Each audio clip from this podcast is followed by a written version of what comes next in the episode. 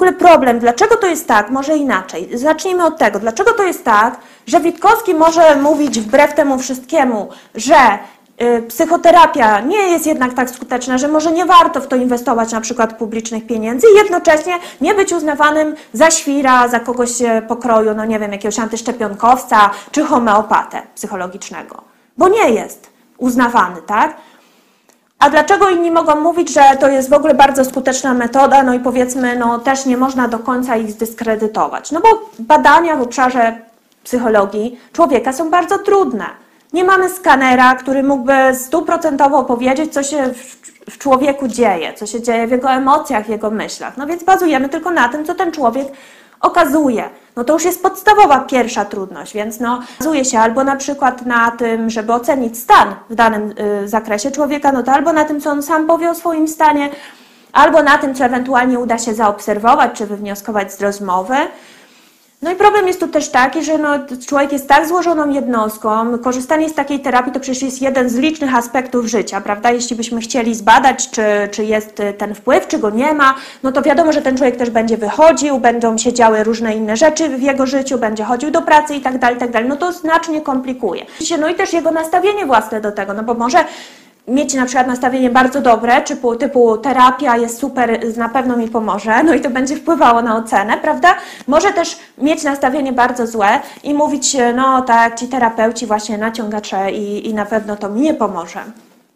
No więc stara się też jakoś maskować, zarówno też i przed lekarzem, przed pacjentem. No różne się robi gimnastyki, żeby tam jakoś w miarę wiarygodnie ocenić, czy jest postęp, czy też nie. No dobrze, załóżmy, że ocenić udaje się no, z dużym prawdopodobieństwem.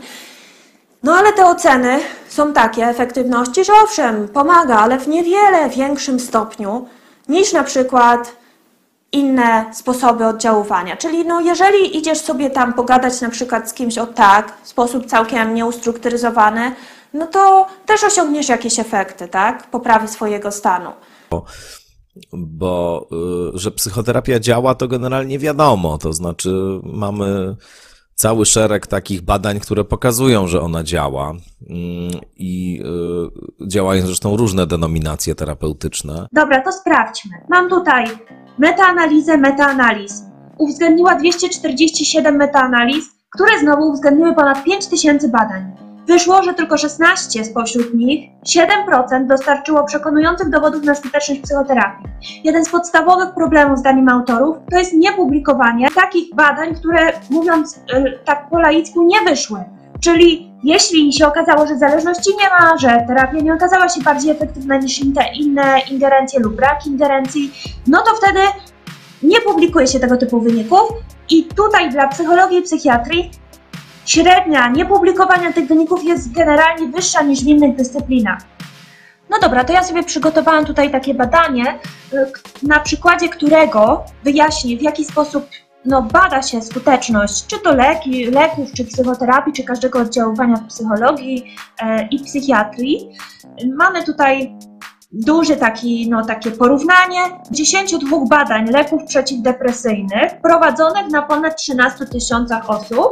I je się porównuje ze 115 badaniami nad skutecznością psychoterapii i terapii alternatywnych, które były prowadzone to badania na ponad 10 tysiącach osób. No to są bardzo duże próby, jeśli chodzi o te o badania w tym zakresie, dlatego że no, są one bardzo trudne, i z tego powodu, no zwykle te, bada się naprawdę pojedyncze badanie, to jest grupka jakaś, no nie wiem, 30 osób czasami, 60 osób i po prostu, e, no dlatego przeprowadza się na przykład metaanalizy i przeglądy.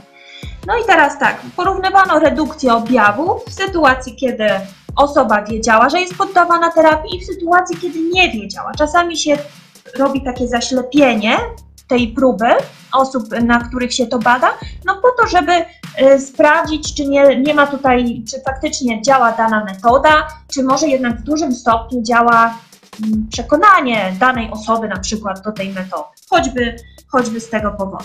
I teraz mamy, no, ponieważ mamy podane procentowo, no to z tego powodu to badanie jest poręczne. Mamy tutaj połączenie leków i psychoterapii w przypadku depresji Redukcja u osób, które wiedziały, że są poddawane leczeniu 66%, u osób, które nie wiedziały 52%. Redukcja objawów. Same leki 54 i 46%. Sama psychoterapia 53 u osób, które, nie, które wiedziały i 47% u osób, które nie wiedziały. Sama terapia alternatywna, czyli e, ćwiczenia fizyczne też, czyli e, nawet też akupresura, no, która w ogóle nie ma, bo ćwiczenia fizyczne no to mają jakąś tam zasadność fizjologiczną, żeby stawiać hipotezę, akupresura no to z tego co wiem nie ma, nie ma takich, takich podstaw, no ale one również mają tutaj 50% i 47%. Kontrole takie lekarskie, kontrole leczenia 47 i 42%, placebo 38%, lista oczekujących 12 i 13%. Yy, Co chciałabym tutaj przy okazji tego powiedzieć? Widzimy, że to, że coś działa, to nie oznacza, że to są wielkości rzędu 90% redukcji objawów, objawów 70%. No więc no jest to podstawa do tego, żeby się zastanawiać, czy na przykład Narodowy Fundusz Zdrowia powinien inwestować w to, żeby jedna osoba była przez jedną osobę terapeutyzowana, na przykład przez rok czy kilkanaście miesięcy, bo tyle trwa na przykład psychoterapia, tak? Kolejna sprawa widzimy brak istotnej różnicy między psychoterapiami. Czyli tu nie tylko badano różne modalności, bo w ramach psychoterapii to zakwalifikowano badania na przykład y, terapią poznawczo-behawioralną, poznawczą chyba tylko, jakąś, jakąś tam inną, ale z tych takich uznanych modalności, nurtów, tak? Więc y, Okazuje się, że nie ma różnicy także z ćwiczeniami fizycznymi, także z e, innymi formami oddziaływania, takimi nawet całkiem magicznymi jak akupunktura czy akupresura. No i to już prowadzi do takiego wniosku, że można się zastanawiać, czy po prostu nie jest tak, że każda jakaś ustrukturyzowana, czy jakaś poukładana, systematyczna praca z człowiekiem, robienie czegoś, zajęcie się nim powoduje po prostu, że jemu jest lepiej nie całościowo, w sposób dalece niewystarczający nadal, ale jednak jest lepiej. W związku z tym, no też aż kusi, żeby próbować dlatego prowadzić takie interwencje, które będą krótsze, które będą tańsze, które nie będą wymagały też długiego szkolenia od osób, które będą te interwencje wykonywały chociażby. Następny problem to statystyka. Psycholodzy, jak i wiele innych nauk posługują się prawdopodobieństwem, by ocenić swoje wyniki. Najczęściej porównują bowiem na przykład wyniki w dwóch grupach, tak jak w przypadku właśnie terapii czy farmakoterapii, psychoterapii. Nie chodzi jednak o to, jak czasami się myśli na początku, że oni po prostu patrzą, czy im coś wyszło, czy im coś nie wyszło, ale generalnie chodzi o to, żeby porównać właśnie te wyniki grup pomiędzy sobą. Prawdopodobieństwo mówi o tym mniej więcej, że przekładając ten wynik na całą populację, odrzuci się hipotezę prawdziwą lub przyjmie się na przykład hipotezę fałszywą jakie jest ryzyko, że tak się stanie. Ogólnie można na przykład sprawdzić, czy wynik 5% poprawy chorego różni się od wyniku 10% poprawy u chorego e, w sposób istotny. No bo to w ogóle nie mówi o samej wielkości jakby, tylko właśnie o, o porównuje, odnosi wyniki do siebie wzajemnie. Poziom istotności jest ustalony arbitralnie, to nie jest jakoś, nie ma tutaj jakiegoś szczególnego uzasadnienia, no i z tego powodu, powodu właśnie w środowisku naukowym w ogóle trwają spory. W latach 60. pojawiły się jakieś miażdżące psychologów krytyki ze strony statystyków, czy statystyka jednego, Potem zostało to jakoś, było to weryfikowane, czy nastąpiła poprawa? Niestety nie. Większość e, wyników się po prostu nadawała do kosza. To naprawdę większość, większość, ponad chyba 60%. No i generalnie mm, no, problemem jest to, że nie podaje się na przykład ryzyka popełnienia błędu drugiego rodzaju, tylko pierwszego, nie podaje się przydziału ufności, mocy testu. Jeżeli chodzi o wielkość efektów, no to, no, który pomaga ocenić, czy, ten, czy, ta, czy ten, ta różnica między grupami jest e, znaczna, czy też nie, no to jest on szacowany, ale tutaj znowu łatwo popełnić błędy, bo to zależy też na przykład od wielkości grup, ona nie może być za mała, nie może być też za wielka. No ogólnie rzecz biorąc, wszystko to jest bardziej skomplikowane i na pewno nie można z tego traktować w taki sposób, e, że po prostu właśnie wyszło, nie wyszło. E, jeśli wyszło, to super, to znaczy, że mamy wielkie osiągnięcie naukowe. Dalej mamy ocenę objawu właśnie. No i to jest kolejna rzecz wzbudzająca wątpliwości, ponieważ w tych badaniach psychologicznych jest to po prostu bardzo trudne, dlatego że to jest albo to są samooceny, nawet przy pomocy jakichś tam testów, jakiejś tam autodiagnozy, tak, na ile się czujesz, nie wiem, zdołowana tam w w poniedziałek, a na ile cię noga boli we wtorek, tak, to to jest taka samoocena. W zależności od testu, no albo to jest jakaś obserwacja, na przykład e, psychiatryczna.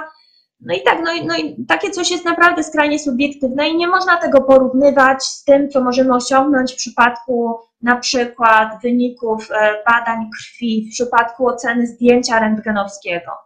Tam również występują błędy, występuje margines błędu, no ale on jest jednak niższy niż w takim przypadku, tak? Przy, na przykład, tak jak powiedziałam, e, przy okazji e, no, w ogóle opiniowania. Test można oszukać, jeśli się jest osobą w miarę no, o takiej normie intelektualnej, tak? To po prostu można tym manipulować i można od strony specjalisty również tym manipulować. No i trzeba do tego doliczyć jeszcze wątpliwości, które właśnie wynikają no, ze stosunkowo wysokiego wyniku placebo e, w porównaniu z, e, no, z, z, z wynikami po prostu interwencji. No to są, z tego co się orientuję, to psychiatrzy piszą, że te wyniki placebo wysokie są również w, niektórych innych chorobach, a szczególnie właśnie w tak zwanych takich psychosomatycznych, jak na przykład alergia. No niemniej znowu, no to rodzi pytanie, czy w takim układzie nie szukać czegoś tańszego i krótszego. E, Jeszcze trzeba tutaj dodać, że naprawdę duża grupa pacjentek i pacjentów rezygnuje z tych psychoterapii w trakcie, więc nawet ich nie kończy. Bardzo mała ilość badań mierzy w ogóle też negatywne skutki psychoterapii. No, biorąc to wszystko pod uwagę, to nie jest tak, że można chodzić sobie i opowiadać działa, działa, działa. Tak, działa, to w ogóle wiecie, no wszystko może zadziałać. No wypicie herbaty też może za- zadziałać na przykład w 8% zredukować ob- objawy, prawda? Jak masz złe samopoczucie i zjesz sobie czekoladę, to nie wiem, ci zredukuje o ile? O 15% może nawet te objawy. No w takiej zasadzie, no to po prostu wszystko działa, no ale nie takiej działal- działalności, skuteczności ludzie prawdopodobnie oczekują, ludzie cierpiący, tak?